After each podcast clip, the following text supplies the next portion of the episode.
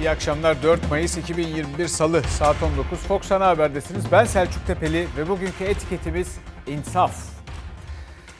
İlk haberimize hemen bu insaf etiketinin üzerinden geçelim.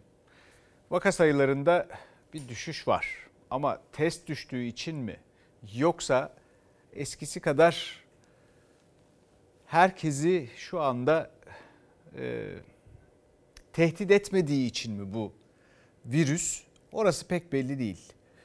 Bunu anlamanın bir tek yolu vardı. Testi düşürmemek. Test sayısını düşürmemek. Bundan emin olabileceğimiz yol buydu. Ama evvela onu düşürdüler. O yüzden şimdi kafalar karıştı. Hiç insaf etmiyorlar tabii. Bir de şimdi ölümlerle ilgili tereddütler var. Bununla ilgili eleştiriler var. Vaka sayıları ile ilgili elbette tartışıyoruz filan. Peki kaybettiğimiz canların sayısını doğru açıklıyorlar mı? Ölüm sayıları gerçek mi? Sağlık Bakanlığı tarafından COVID-19'a bağlı olarak açıklanan ölüm sayılarının ben gerçeği yansıttığını düşünmüyorum. Yeni vaka haritasındaki düşüş dikkat çekti ama uzmanlar ölüm sayılarına işaret ediyor. Açıklanan kısmı bile çokken doktorlar daha fazla diyor. Son 24 saatte 347 kişi daha Covid-19'a yenik düştü. Ama uzmanlara göre ölüm raporunun işlendiği sisteme Covid nedeniyle hayatını kaybedenlerin verilerini doğru işleyemiyor hekimler.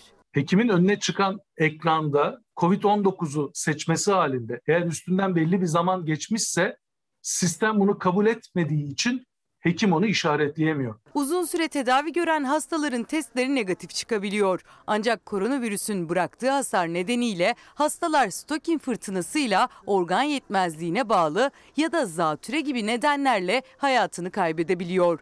Dijital sistemse ölüm raporu oluşturacak hekime PCR negatif ya da karantina süresi tamamlanan hasta olduğu için verinin bulaşıcı hastalık olarak işlenmesine izin vermiyor.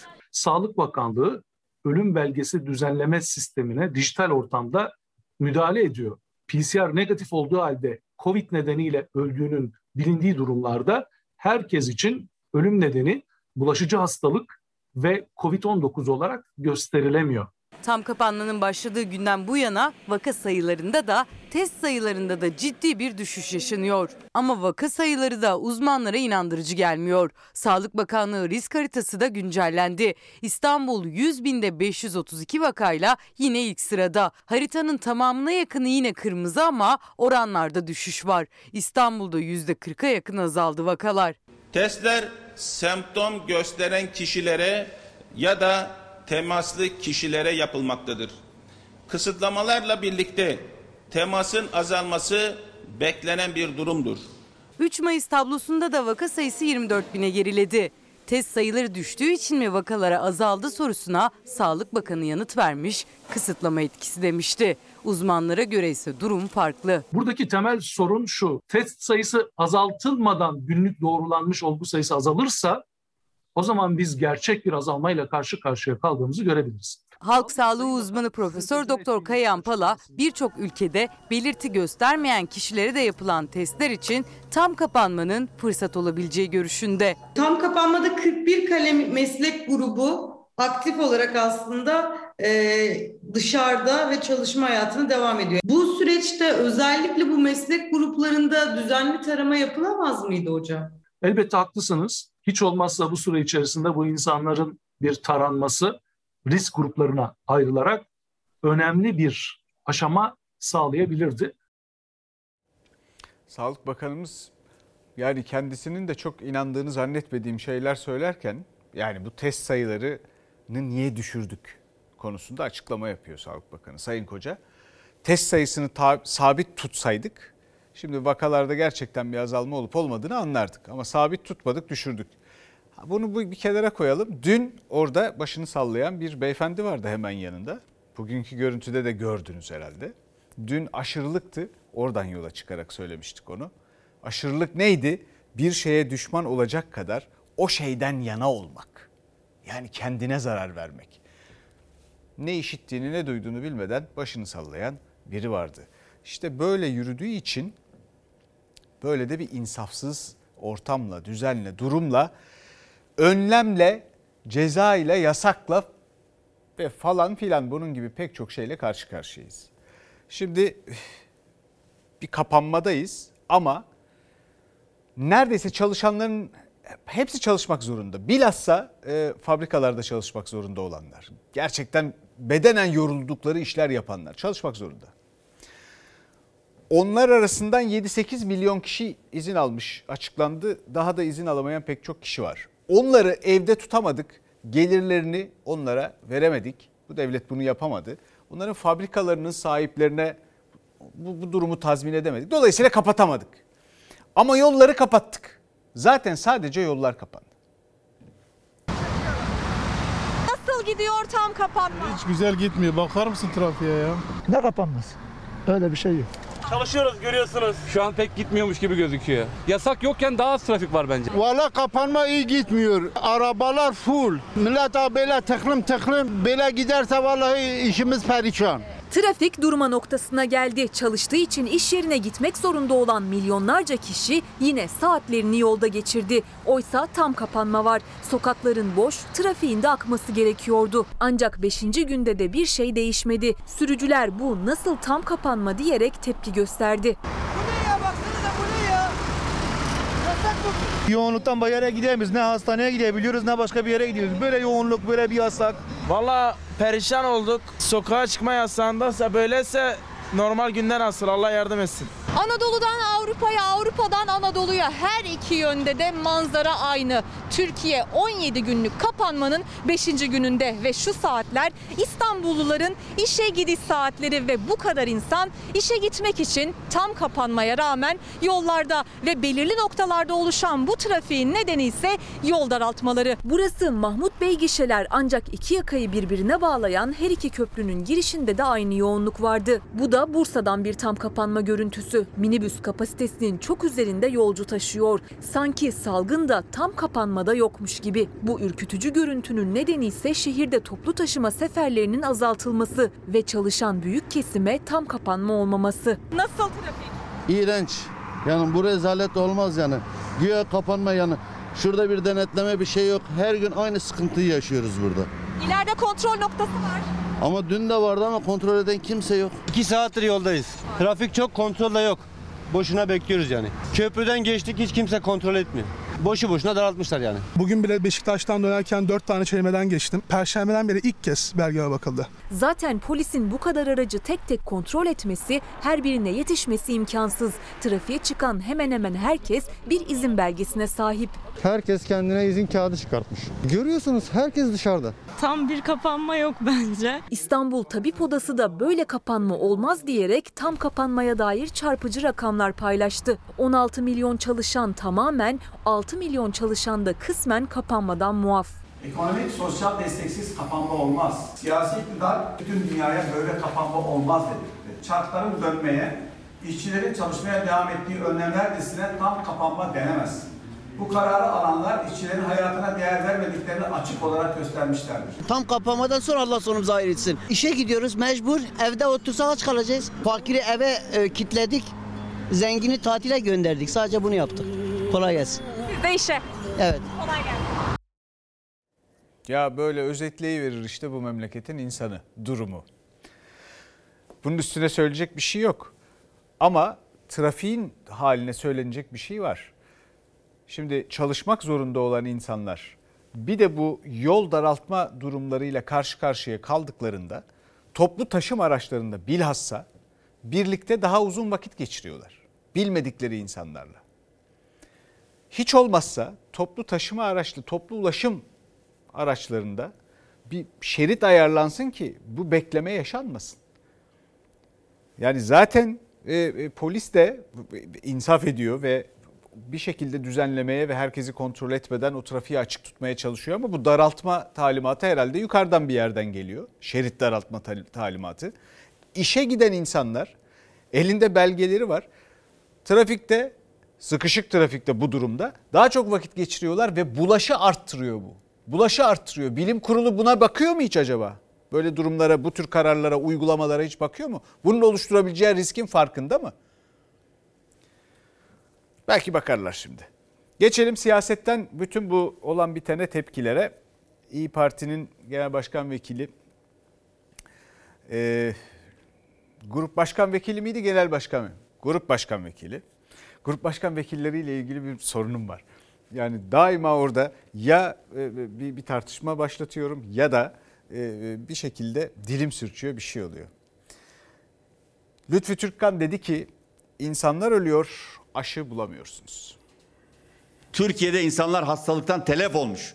Ölüyor. Aşı bulamıyorsunuz. Sputnik aşılarının 6 ay içinde 50 milyon doz aşı teslim edilmesi beklenmektedir. Biontech gelecekti. Ne oldu o? Niye gelmedi? BioNTech aşısı Haziran ayı sonuna kadar 90 milyon doza ulaşacak. Aşı takviminde hep bir sonraki aya randevu veriyor Sağlık Bakanı Koca. Muhalefet bugün yarın derken anlaşması yapıldığı söylenen aşılar neden gelmedi takipte. CHP lideri Kılıçdaroğlu Bakan Koca'nın Mayıs'a kadar 100 milyon doz Sinovac aşısı gelecek açıklamasının ardından aşılar yine gelmeyince dikkat çeken bir iddiayı da gündeme taşıdı. Mayıs sonuna kadarsa toplam 100 milyon dozun Türkiye'ye ulaşmasını bekliyoruz. Yapılan sözleşme 50 milyon doz. O da gelmedi. Ya paranızı ödemiyorsunuz ya aracı firmanın sorunu çıktı. Gelmiyor. Cumhuriyet Halk Partisi'nin, İP'in ve diğerlerinin yalanları toplum nezdinde itibarsızdır. Türkiye'de aşı yok. Libya'ya 150 bin aşı gönderdiğimiz gibi. Aşı konusunda olumlu ve memnuniyet verici gelişmelerin varlığına Sağlık Bakanımız sürekli vurgu yapmaktadır. Aşı tedariki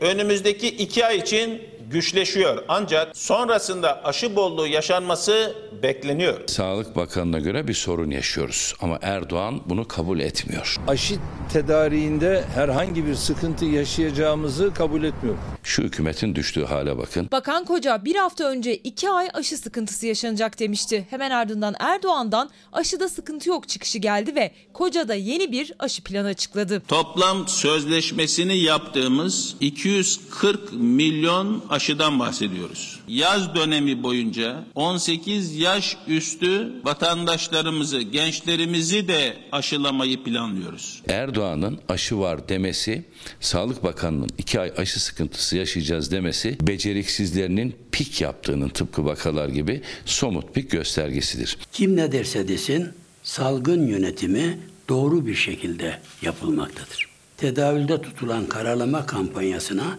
aldanacak yoktur. Cumhur İttifakı ortağı Bahçeli salgınla mücadeleyi övdü, eleştirilere de karalama kampanyası dedi ama muhalefetin sık sık değişen aşı takvimine tepkisi dinmiyor. Bunlar günübirlik yaşıyorlar. Günübirlik Türkiye Cumhuriyeti Devleti'ni yönettiklerini sanıyorlar. Her günde bir takım genelgelerle yeni bir takım yasaklarla güne uyanıyoruz. Bununla ilgili pek çok spekülasyon da ortayı ortalığı sardı. E, spekülasyonlar elbette bu şekilde e, bizi meşgul eder. Çünkü bu yasakların bir mantığı var mı? Yok mu? Gerçekten bilinçli ve şuurlu bir biçimde mi? Bunlar düşünülerek mi duyuruluyor ve sonra uygulanabiliyor mu, uygulanamıyor mu? Tabii ondan sonra bir çeşit vodvile dönüştü iş. Yani herkes o da yasakmış, bu da yasakmış diye birbiriyle konuşup e, bu durumu çekiştirmeye başladı. Yani bunda bir insaf bulabilecek miyiz bu durumda? Bilemiyorum ama bir bakalım nasıl çivisi çıktı. Ben Eminönü'nde esnafım. E, iş yerim pasaj içerisinde. Kapalı tamamen. Ben cep telefonu malzemeleri satıyorum. Benim sattığım ürünleri şu an bu zincir mağazaların hepsi satıyor. Onlar açık ama ben kapalıyım. Artık zincir marketlerde satamayacak. İçişleri Bakanlığı yeni genelge yayınladı. Markette satılan ürünlere sınırlama getirdi. Esnaf destek beklerken marketçiye yeni yasak geldi. Genelgeye göre amaç market içindeki yoğunluğu önlemek. Nasıl olacak? Örneğin hemen arkamda diş macunu, diş fırçası reyonu var. Oradan alışveriş yapmak serbest çünkü temel ihtiyaç. Ama hemen önündeki raftan havlu, giysi, tencere, tava ya da oyuncak gibi ürünleri almak yasak olacak. 7 Mayıs Cuma gününden itibaren zincir ve süpermarketlerde temel gıda, temizlik, kozmetik ve hayvan yemi dışında hiçbir ürün satılamayacak. Elektronik eşya, oyuncak, kırtasiye, giyim, ev tekstili, hırdavaz, züccaciye ürünlerinin satışına izin verilmeyecek. Fiyatta rekabet ne kadar olursa o kadar güzel olur. Halk için olur yani. Marketlere getirilen yasağın bir sebebi de haksız rekabeti engellemek. Yani kapalı esnafın kazancına ortak olmasın diye ama esnafın zaten bunu düşünecek hali yok. Kirası var, hepsinin kirası var. Hepsi kapalı bak şu anda. Hiç destek alan esnafı görmedim ben bu, bu caddede yani. İnsanlar dışarıda ama kepenklerimiz kapalı. Hiçbir des- destek de yok, yardım da yok. E, ne yapıyorsunuz şu anda? Ne yapıyorum? Dondurma satacağım akşama kadar. Birkaç külah. Onunla e, kiramı ödemeye çalışacağım. Kiramı ödeyemiyorum zaten. Elektriğim, suyum, çalışanım vardı. Çalışanımı çıkarmak zorunda kaldım. Sadece kendime bakmaya çalışıyorum.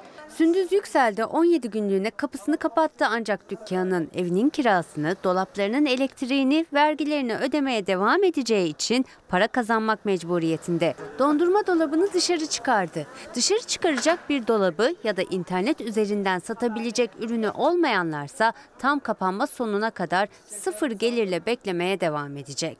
Hafta sonu bizi kapatıyor. Akşam kapatıyor. Saat 7'den sonra bizi kapatıyor. Bu başta yapılması gereken hamleyi şu anda yapıyor.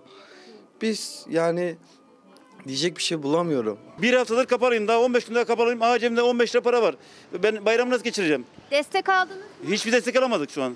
Ben bir yıllık esnafım, taze esnafım. Çiçeği burnunda, burnumdan geldi. Ben bir kadınım, ayakta durmaya çalışıyorum, çalışarak, üreterek çalışmaya, ya- kazanmaya çalışıyorum. Ama devletimiz maşallah bu konuda hiçbir destek vermiyor bize. Ben destek bekliyorum. Benim gibi bütün esnaf destek bekliyor. Bir izleyicimiz demiş ki sürekli gelecek zamanlı fiiller kullanarak kullanılarak yönetiliyoruz. Hep vaat, hep vaat. Arada bir de dili geçmiş zamana ulaşmış mutluluklar yaşatın bize. İnsaf demiş izleyicimiz. Yasaklardan bahsettik. Ne yasak, ne değil, kime yasak, kime değil. O işler karıştı. Bunun da mesela diyerek şimdi söyleyeceğim haberde çok güzel bir örneği var. Çözülemeyen bir optik problemi. Şimdi ne oldu? Bir tıbbi cihaz olmasına rağmen gözlükçüler kapatıldı. Fakat sonra anlaşıldı ki bir sıkıntı var burada. Açılması lazım. İçişleri Bakanlığı yeni bir e, uygulamaya karar verdi. Nöbetçi optikçi uygulaması. Peki gittik muayene olduk. Şimdi her ilçede bir optikçi ya da bir ilçede zaten kaç tane varsa onların bu salgın süresince nöbet tutması durumunda hepsine sıra gelecek mi? Gelmeyecek elbet. Gittik. Evet gözlüğümüzü alacağız. İki gün sonraya randevu verildi. Hadi bakalım şimdi başka bir nöbetçi peşine düş. O gözlük oraya nasıl gidecek? Vodvil dedik ya işte vodvil böyle bir şey. Çözülemeyen optik problemi. Bugün arayan üçüncü kişisiniz. Maalesef kapalıyız. Yani yeni bir karar çıkmadığı sürece kapalı olacağız. Gözlük olmadığımı göremezsin ki. Ben uzağı göremiyorum. Astigmat var bende. Ya şu anda gözlüğünüze bir şey olsa? Allah korusun. Yenisini alacağız. Gözlük satışı da yasak şu anda galiba. Kapalı çünkü İçişleri Bakanlığı genelgesinde optisyenlik yapan yerlerin açılmasına izin yok. Ama gözlüğe ihtiyacı olanlar mağdur. Göz hastaneleri, muayenehaneler açık ama gözlükçüler kapalı. Üstelik reçetenin gözlüğe dönüşmesini zorunlu kılan süre 10 gün. Kısıtlama ise 17. Tepkiler arttı. Ardındansa daha şaşırtan bir karar alındı. Her ilçeye bir nöbetçi gözlükçü. Hastaya gözlüğü beğendirdik. Camın siparişini verdik. Cam üretildi geldi. İki gün sonra cam geldiğinde e, nöbetçi gözlükçü de siparişi alınmış, teslim edilmesi gereken bir ürünün başka bir müesseseden teslim edilmesi diye bir şey söz konusu olamaz. Hizmet kaosa dönebilir. 2020 yılındaki ilk tam kapanma kararında gözlükçüler aslında hizmet verebiliyorlardı. Çünkü tıbbi cihaz olarak geçiyor gözlükler. Gözlük elzem bir ihtiyaç olduğu için de bu tam kapanmada da aslında açık olmayı bekliyordu gözlük satıcıları. Yeni bir kararla kaymakamlıkların belirlediği gözlükçüler üzerinden nöbetçi gözlük satışı için adresler belirleyecek. Yani her ilçede bir gözlükçü hizmet veriyor olacak. Peki bu sistem nasıl işleyecek? Tam bir soru işareti. Sizin şimdi gözlüğünüz kırılsa nöbetçi olan bir e, optiği, gözlükçüyü nasıl bulabilirsiniz? Nereden bileyim ya internetten bulunur ya da bilmiyorum yani. Geze geze mi bulacaksınız? Herhalde öyle. Ya sirkülasyonu daha fazla arttırmış oluyorum. Yani 4 güne kadar çıkabilen gözlük yapımının tamamlanma sürecinde siparişin verildiği nöbetçi gözlükçü kapalı olacak. Gözlüğünü teslim almak için hasta bir sonraki nöbet gününü bekleyecek. Üstelik nöbetçi gözlükçü sistemiyle salgın riski de artmış olacak. Gezi geze bulacak ama Gezmek de. zaruri ihtiyaç yani bu, başka şey yok yani. Nöbetçi gözlükçü sistemi uygulanmaya başladığında her ilçede bir gözlükçü açık olacak. O bir gözlükçü için de ihtiyaç duyanlar o adrese bulup gelecekler. Örneğin Bakırköy'de bulunduğumuz bu noktada 226 binden fazla kişi yaşıyor. Onların içerisinde o gün gözlük ihtiyacı olanlar açık olan gözlükçüye geldiğinde yine bulaş riskini arttırmış olacak. Nüfusu 1 milyondan fazla olan ilçeler var aslında. Bu nöbetçilik sisteminin yaratacağı yoğunluk var. Kesinlikle haklısınız. Doğru bir yerden yaklaşıyorsunuz konuya. Biz bulaş riskini önlemek istiyorsak eğer aslında dağıtmamız lazım. E bu aslında bulaş riskini daha da fazla arttırmaya sebep olacak bir eylem olabilir diye düşünüyorum. Şimdi siyasete e, geri dönelim bir yandan. Cumhuriyet Halk Partisi Genel Başkanı Kemal Kılıçdaroğlu'ndan bir eleştiri geldi. Hükümete, iktidara Türkiye genelge devletine dönüştürüldü. Anayasa askıda zaten. Askeri dönemlerde ne varsa daha fazlası bu dönemde var. Neden diyorum ben 20 Temmuz sivil darbesi yaşıyoruz diye? Hiçbir artı bir kısıtlama söz konusu değil. Bir organ dayanağını anayasadan almayan bir kamu yetkisini kullanamaz. İktidara devamlı bu normları hatırlatmak durumdayız. O kapalı rejimlerdeki ülkelere dönmemize ramak kaldı. Muhalefetten kim konuşsa iktidara hukuk devleti hatırlatması yaptı. Nedeni ise polis işlemlerinde ve müdahalelerinde cep telefonu yasayla başlayan İçişleri Bakanlığı'nın genelgesi ana. Hukuk diyoruz, kanun diyoruz, adalet diyoruz, anayasa diyoruz. Nerede bunlar? 17 günlük kapanma kararı ile birlikte İçişleri Bakanlığı üst üste genelgeler yayınladı. Çekim yasağı genelgesiyle alkol satışı yasağı genelgesine büyük tepki oldu. Hukukçular ve muhalefet partileri hukuka, anayasaya, temel hak ve hürriyetlere, uluslararası sözleşmelere aykırı diyerek ses yükseltti. Hukuk devleti, kanun devleti olma özelliğini kaybettik. Genelgelerle idare edilir hale geldik. Türkiye Cumhuriyeti fermanla idare edilecek bir müstemleke değildir. Bir Afrika Muz Cumhuriyeti değildir. Hiç rahatsız değilim. Geçmiş dönemde de yapıldı. Yasal temeli yok. Gerçekten bunu yasaklayıcı bir idari işlem var mı yok mu onu dahi kimse bilmiyor. Valilikler hayır biz yasaklıyoruz çünkü. E çünkünün gerisi gerisi. Böyle Yani olamaz yok. değil mi? Özgür Böyle bir ülkede. olamaz. Alkol satışı yasağını en son market genelgesi izledi. Marketlerde gıda ve temizlik dışında ürünlerin satışı da genelgeyle yasaklandı. Muhalefet genelge devleti olduk diye ses yükseltti. Türkiye yönetilemiyor, savruluyor. Demokratik hukuk devleti bir genelge devletine dönüştürüldü. Hukuktan nasipsiz iktidar aklı selimden yoksun yeni yasaklar üretmeyi maharet zannetmektedir. İktidar kast sistemi kurmuştur. Yani sıradan vatandaşları her türlü zorbalıkla baskı altında tutmaya çalışmaktadır. CHP'den sonra Deva Partisi de polisin işlemlerinde çekim yasağını Danıştay'a götürdü. Alkol satışı yasağı içinde esnaf cephesinden yargıya başvurular yapıldı. Gözler tartışılan genelgeler için yargının vereceği kararlarda İçişleri Bakanlığı'nın genelgeleri muhalefetin hedefinde. Şu andaki tabloda tek adam rejimi, şahsım hükümeti, parti devleti bunları alt alta toplayın. Bunun adı faşizmdir kardeşim. Şimdi bu genelgelerle görüntü kaydı, bu tür durumların tespiti, bir takım gösteriler, işte polisin yaklaşımı, yaşanan sorunlar yani kamu düzenini sağlayan ve halk tarafından yetkilendirilmiş olan e, güvenlik güçlerinin denetimi konusunda bilhassa bu kamera yasağı meselesi çok tartışılıyor. Bir kamu işi. Bunun özel hayatla bir ilgisi yok. Fakat neden saklanıyorlar? Neyi saklamak istiyorlar? İşte asıl bir yandan tartışılması gereken şey o. Yani kendileri biraz bu bütün bu durumlarla olan bitenle, protestolarla, zor şartlarla, eleştirilerle görünmek istemiyorlarsa orada da gözden ırak olan, gönülden de ırak olabilir diye hatırlatmakta fayda var. Şimdi geçelim bir de bu arada Sayın Kılıçdaroğlu diyor ki işte ferman gibi bu genelgeler ferman başka bir şeydi. Bu, bu yani bu genelgelerden öteydi fermanlar. Onun daha kurumsal oturduğu bir yer vardı Osmanlı'da. Şu anda biz şu kaos, şu genelgeler ortamı, bütün bu yaşadıklarımız ve gerçekten akla mantığa uymayan bütün bu uygulamalarla filan biz şu anda demokrasi bakımından filan da Osmanlı'nın gerisine gitmeye başladık sanki. Çünkü böyle bir keyfi yönetim biçimi yoktu. O zaman da yoktu. Efendim şimdi e, Milliyetçi Hareket Partisi'nden bir e, anayasa teklifi ve onunla ilgili bir taslak var. Bu taslağın bir bölümünü e, Sayın Bahçeli açıkladı kamuoyuna. Bir bölümünü e, he, henüz bilemiyoruz. Göreceğiz tamamını gördükten sonra ele alacağız.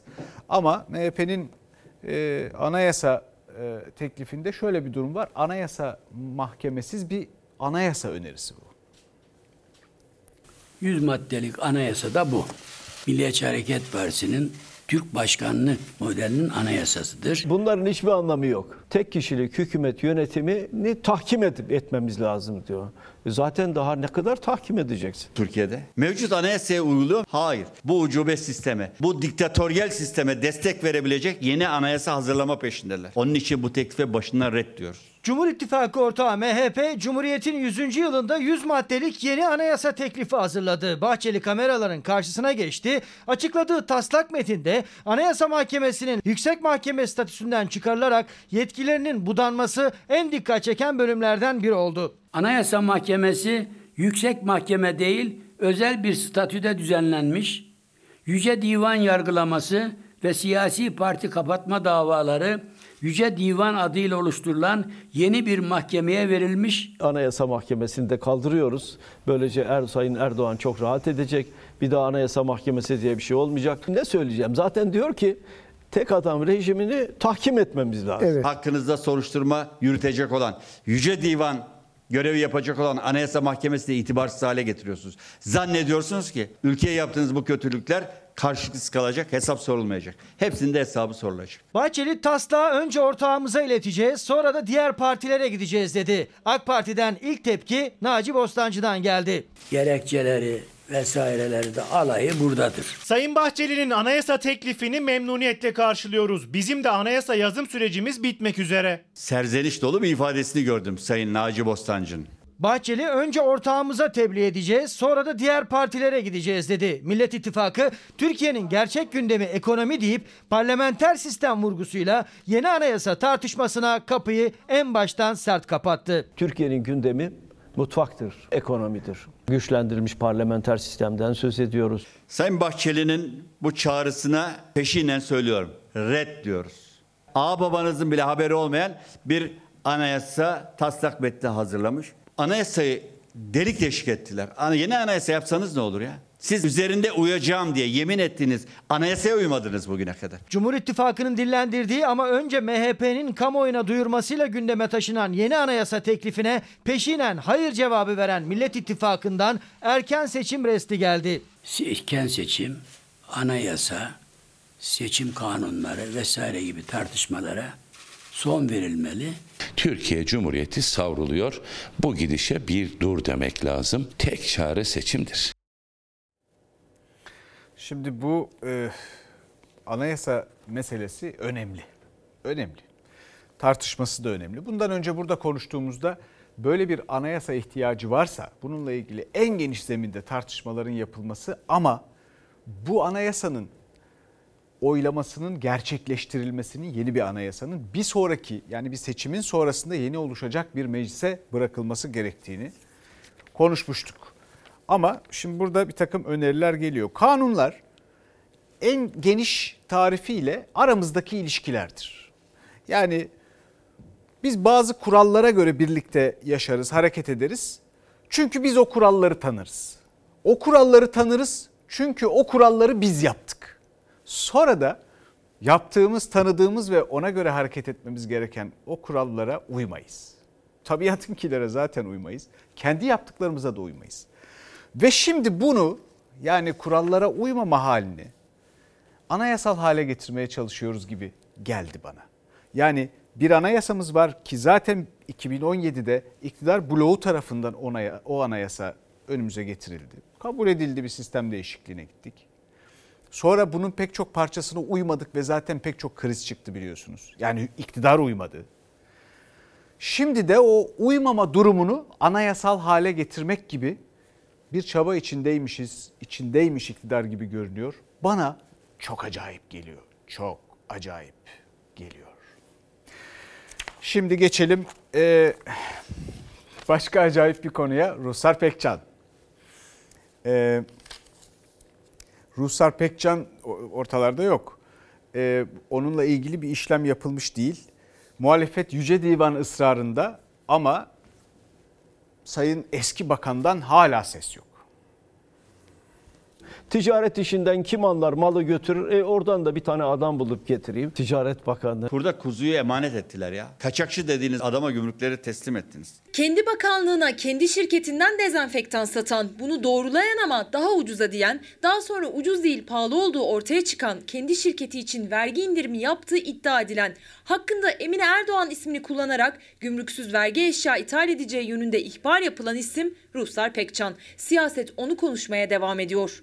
Cumhurbaşkanının eşinin adını kullanarak gümrüklerde kanunsuz işlemler de talep etmiş zamanında. O da çıktı ortaya. Bürokrasiye iletiliyor. Bürokrasi bunu söylüyor. Ama siz onu getiriyorsunuz, bakan yapıyorsunuz. Normalde onu bakan yapanın o görevde oturmaması lazım. Çünkü onu bakan yaptığınız andan itibaren onun sizin eşinizin adını kullanarak, istismar ederek kendisine çıkar sağladığını kabul ediyorsunuz. Yap diyorsunuz, devam et diyorsunuz. O da devam etti. Ruslar Pekcan arkadaşlarımıza şükranlarımı sunuyorum. Bu kadar utanmazlar. Ben çok az rastladım. Bu kadar pespayesine ilk defa rastlıyoruz. Usulsüzlük, görevi kötüye kullanma, ciddi suçlamaların hedefindeyken Cumhurbaşkanı tarafından teşekkür edilerek görevden alınmış koltuğunu kaybetmişti Pekcan. Artık bakan değil ama muhalefet buzdağının altı da var deyip Pekcan'ın peşini bırakmıyor. Pekcan döneminde gümrüklerin nasıl kevgire döndüğünü görmek istiyorsanız Kocaeli Deniz Gümrüğü'nde 540 kilogram kokain yakalandı. Aramayı derinleştiren 12 Şubat 2021'de teftişe alındı. Peki Sayın Pekcan'a buradan sormak istiyorum. Bu uyuşturucunun yakalanmasında öncü rol üstlenen müdür neden müdürlük makamından alınıp teftişe çekildi? Tüm bu soruların cevabını vermek zorunda. Her gün yeni bir iddia, yeni bir soru var Pekcan hakkında. O ise hala sessiz.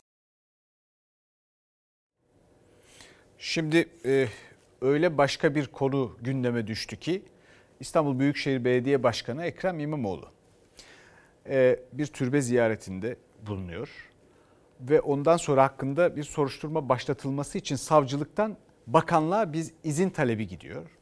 Bakanlık işte verecek vermeyecek orada da bir karmaşa söz konusu. Açıklamalar birbirini tutmuyor. Pek de bir şey anlaşılmıyor. Fakat bugünün neticesinde bize kalan yani bu günün e, bakiyesinde tartışmaların neticesinde kalan ellerini arkadan bağlandığı bağladığı için soruşturma açılmak istenen ya da açılan bilemiyoruz. Şimdi haberde de görürüz ama yeni gelişmeler de olabilir. Onları da paylaşırız. Bir belediye başkanı yani bakalım nasıl olmuş bu iş. Ben şaştım kaldım. Fatih Sultan Mehmet Han'ın tablosunu asırlar sonra ait olduğu yere taşıyan Ekrem İmamoğlu'na Fatih Sultan Mehmet Han'a saygısızlık yaptığı ithamında bulunmak gerçekten fitnedir. Ekrem İmamoğlu bir kez daha ifade verecek. Bu görüntü nedeniyle yürürken ellerini arkasına bağlayarak saygısızlık yaptığı gerekçesiyle İstanbul Cumhuriyet Başsavcılığı bir yıl önceki bu görüntülerle ilgili inceleme başlattı. Soruşturma açılması için İçişleri Bakanlığı'na başvurdu. İstanbul Cumhuriyet Başsavcılığı'nın bir işlemi bu arkadaşlar.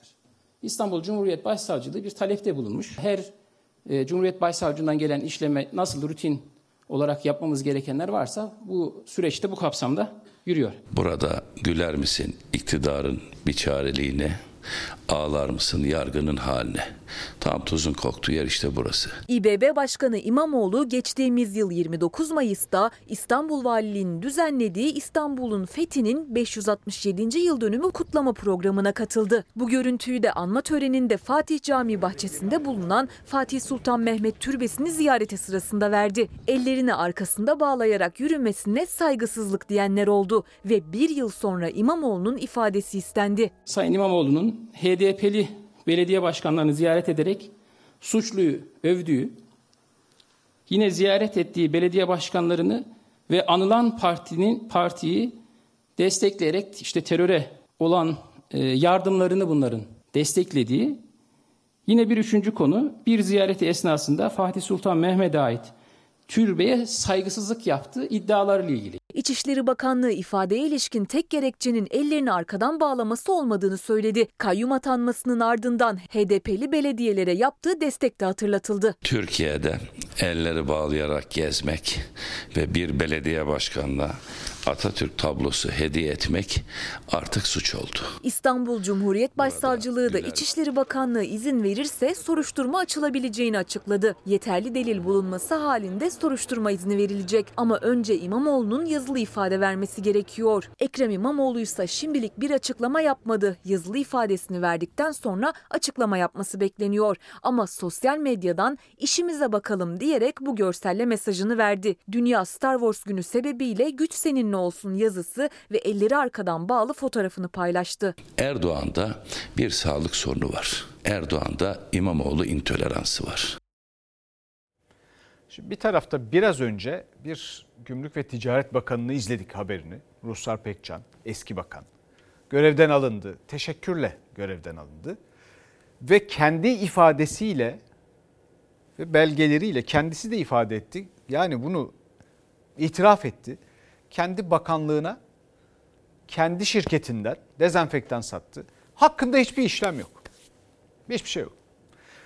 Peki buraya bakıyoruz. İstanbul Büyükşehir Belediye Başkanı ellerini arkada bağladı diye bir saygısızlık arayışıyla, soruşturmasıyla karşı karşıya bir yandan. Tabii durum böyle değil. Durum her şeyin siyasallaşmış olması. Her şeyin, yargının siyasallaşmasının bir göstergesi olduğunu tahmin ediyorum. Çünkü başka bir takım soruşturma e, soruşturulmak istenen konularla beraber onların arasına torba alışkanlığı var ya bizim ülkemizde. Torba kanun filan böyle bir şey. Onların arasına sırf gündem olsun ve gündemde bu şekilde konuşulsun diye siyasi sahiplerle böyle bir ifade, böyle bir cümle konmuş olabilir. Şimdi bu işte her şeyin siyasallaşması meselesi öyle bir e, Türkiye'nin sıkışmışlığıyla ilgili bir durum ki iktidarın kaybetmekten korktuğu, muhalefetin kazanmaktan korktuğu, ikisinin arasında kalan halkın bizim bütün bu tuhaflıklardan korktuğu, pek çok şeyden, her şeyden korkmaya başladığı bir ortam. Ama korkmayın. Patron sizsiniz.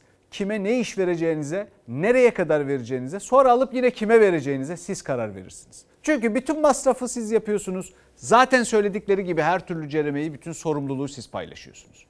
Bunu unutmayın. Şimdi geçelim 128 milyar dolara. Peki o nerede? Kemal Kılıçdaroğlu e, Cumhuriyet Halk Partisi Genel Başkanı Kılıçdaroğlu, Sayın Kılıçdaroğlu 50 kişiye 54 milyarı dağıtıldı. Türkiye Cumhuriyeti Devleti savaşa girse mülkiyeti kendisine ait tek bir doları bile yok. Merkez Bankası'nın rezervi ne kadar? Eksi 60.4 milyar dolar. Başkalarından borç almışız. Bu rezervi turşusunu kurmak için değil, ülkemizin ihtiyaç duyduğunda kullanması için büyütmüştük. 128 milyar dolar nerede sorusu iç siyaseti ısıttı. Dış siyasetle bağlantısını da bu sözlerle kurdu Kılıçdaroğlu. Niye Yunanistan Dışişleri Bakanı gelip Türkiye'de Türkiye Cumhuriyeti Devleti'ne bakanın önünde meydan okuyor. Bu aslı olmazdı.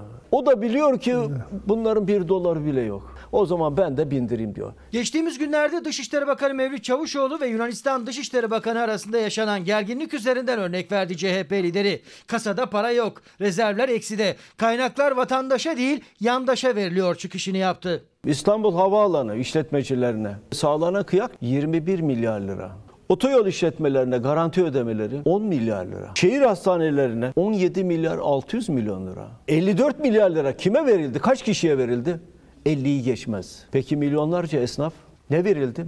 Adamına göre para, Para var. Yandaşa göre para var. Sarayın beslemesiyseniz gak dediğinizce veriyor, guk deyince veriyor. Muhalefet 128 milyar dolar nerede sorusunun peşini bırakma niyetinde değil. Soru ilk günkü sıcaklığını koruyor. 128 milyar dolar ne oldu? 128 milyar dolar ekonominin aktörleri arasında yer değiştirmiş. Neden? Hesabını veremiyorlar. Nereye gitti bu para ya? O rezervler sadece varlık ve yükümlülük olarak yer değiştirdi. Kim aldı bu parayı? Hangi kur üzerinden verdiniz? Reel sektörden hangilerinin döviz borcu pozisyonlarını kapattıkları da bunları da bizim söylememiz olmaz ama o şirketler kendileri açıklayabilir. Merkez Bankası kasasında 128 milyar dolar kayıp. Nerede? Cevap var mı? 128 ayrı cevap var. Hiçbirisi birbirine benzemiyor. Herkes birbirini yalanlıyor. Açıklayanlar Cumhurbaşkanını yalanlıyor. Cumhurbaşkanı açıklayanları yalanlıyor. İktidardan farklı zamanlarda farklı cümlelerle gelen savunma açıklamaları muhalefeti tatmin etmiyor. Israrlı sorulara yanıt aranıyor. Hesap soracağız restiyle. Kime sattınız? Neden sattınız? Kaça sattınız? Bunların hesabını vermeden buradan gidemeyeceksiniz. Ortalama 6 lira 28 kuruştan buharlaştırılan 128 milyar doları bugün yeniden o kasaya koymak istesek 259 milyar lira daha fazla ödeyeceğiz. İktidar artık 128 milyar doları konuşmuyor ama muhalefet sormaya devam ediyor. İçişleri Bakanlığı'ndan son valiliklere son dakikada gönderilen bir genelge var. Pazar yerleriyle ilgili 8 ve 15 Mayıs tarihleri arasındaki her ikisi de cumartesi gününe denk geliyor. 8 ve 15 Mayıs'ta bu iki gün saat 10 ile 17 arasında sadece meyve sebze ve fide satışı için pazar yerleri açık olacakmış. Şimdi bunun da tabii tartışılacağını düşünüyorum. Çünkü her semtin ayrı pazarcısı yok. Semt semt geziyor pazarcılar. Dolayısıyla şimdi başka bir problem ortaya çıkabilir. Bir pazarcı aynı anda kaç farklı pazar yerinde bulunabilir? Ve onunla ilgili de bu pazarlara gelecek meyve sebzede hal durum neymiş ona bir bakalım. Çiftçinin hali, çiftçinin durumu pek parlak değil, hiç parlak değil. Hatta burasına kadar gelmiş durumda. İşte buyurun tarladan çöpe.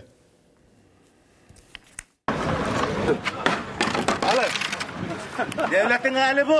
Görüyorsunuz işte çiftçi üreti satamadıkları ürünlerini dökmüş Bunlar çıkma falan değil. Bu kadar malı 3 tonluk malı 750'den mi veriyor? Hayrını görsün. Sayın Vekilim hayrını görsün. 750 TL'ye veriyorum 3 tonluk malı hepsi götünü veriyorum.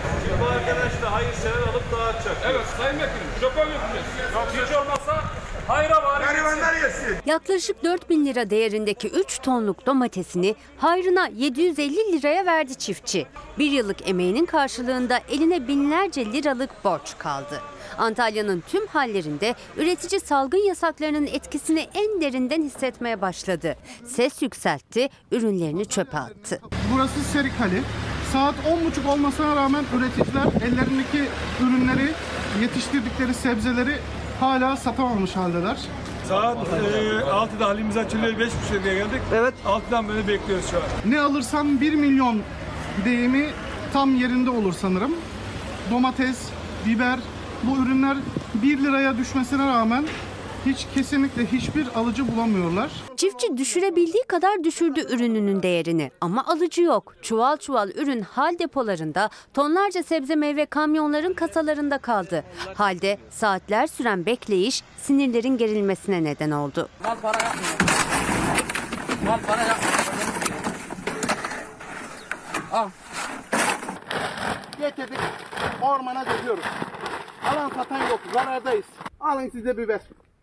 Yanacak. Yerse hayvanla kuş kurt hiç olmazsa onda bir hayrımız olsun yani. Zincir marketlere teslim edilmiş bir sistem var ortada. Pazar yerlerinin kontrollü olarak e, tüketim açılması lazım.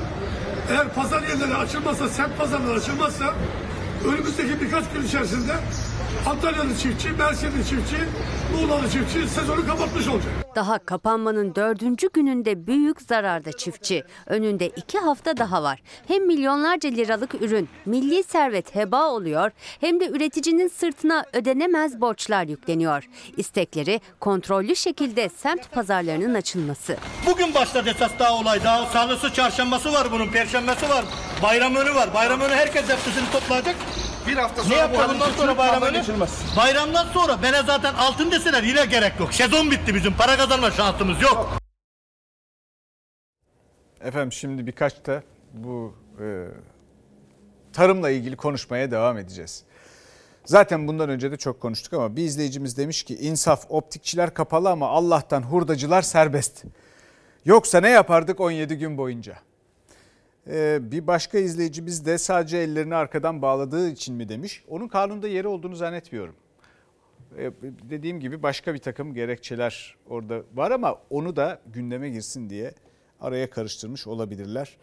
Dolayısıyla şimdi bir ara sonra bir dakikada buluşmak üzere.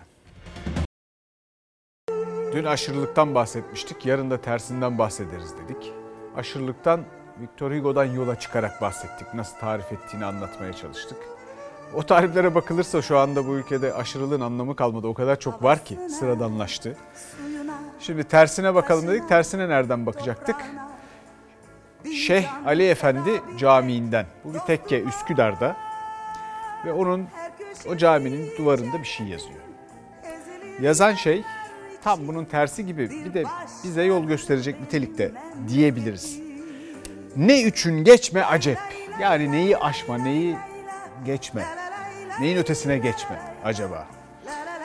Kılleti kelam, kılleti melam, kılleti taam. Mucibi e, sıhhati tamdır. Mucibi sıhhati tamdır. Bütün bunların söylenmesinden çıkan mana şudur. Az konuş, az ye, az uyu. Sağlığın, sıhhatin sırrı buradadır. Tabii bununla uğraşırken bir yandan da bizim işimiz konuşmak. Konuşmak orucu bozar mı acaba diye de aklıma takılmadı değil. Çok konuşmak. Efendim bizden, burada biz de keselim lafı. Bizden bu akşamlık bu kadar. Bizden sonra baraj var yeni bölümüyle. Ee, Allah oruçlarınızı kabul etsin, sofranız bol olsun. Sen dost ararsan koş Mevlana'ya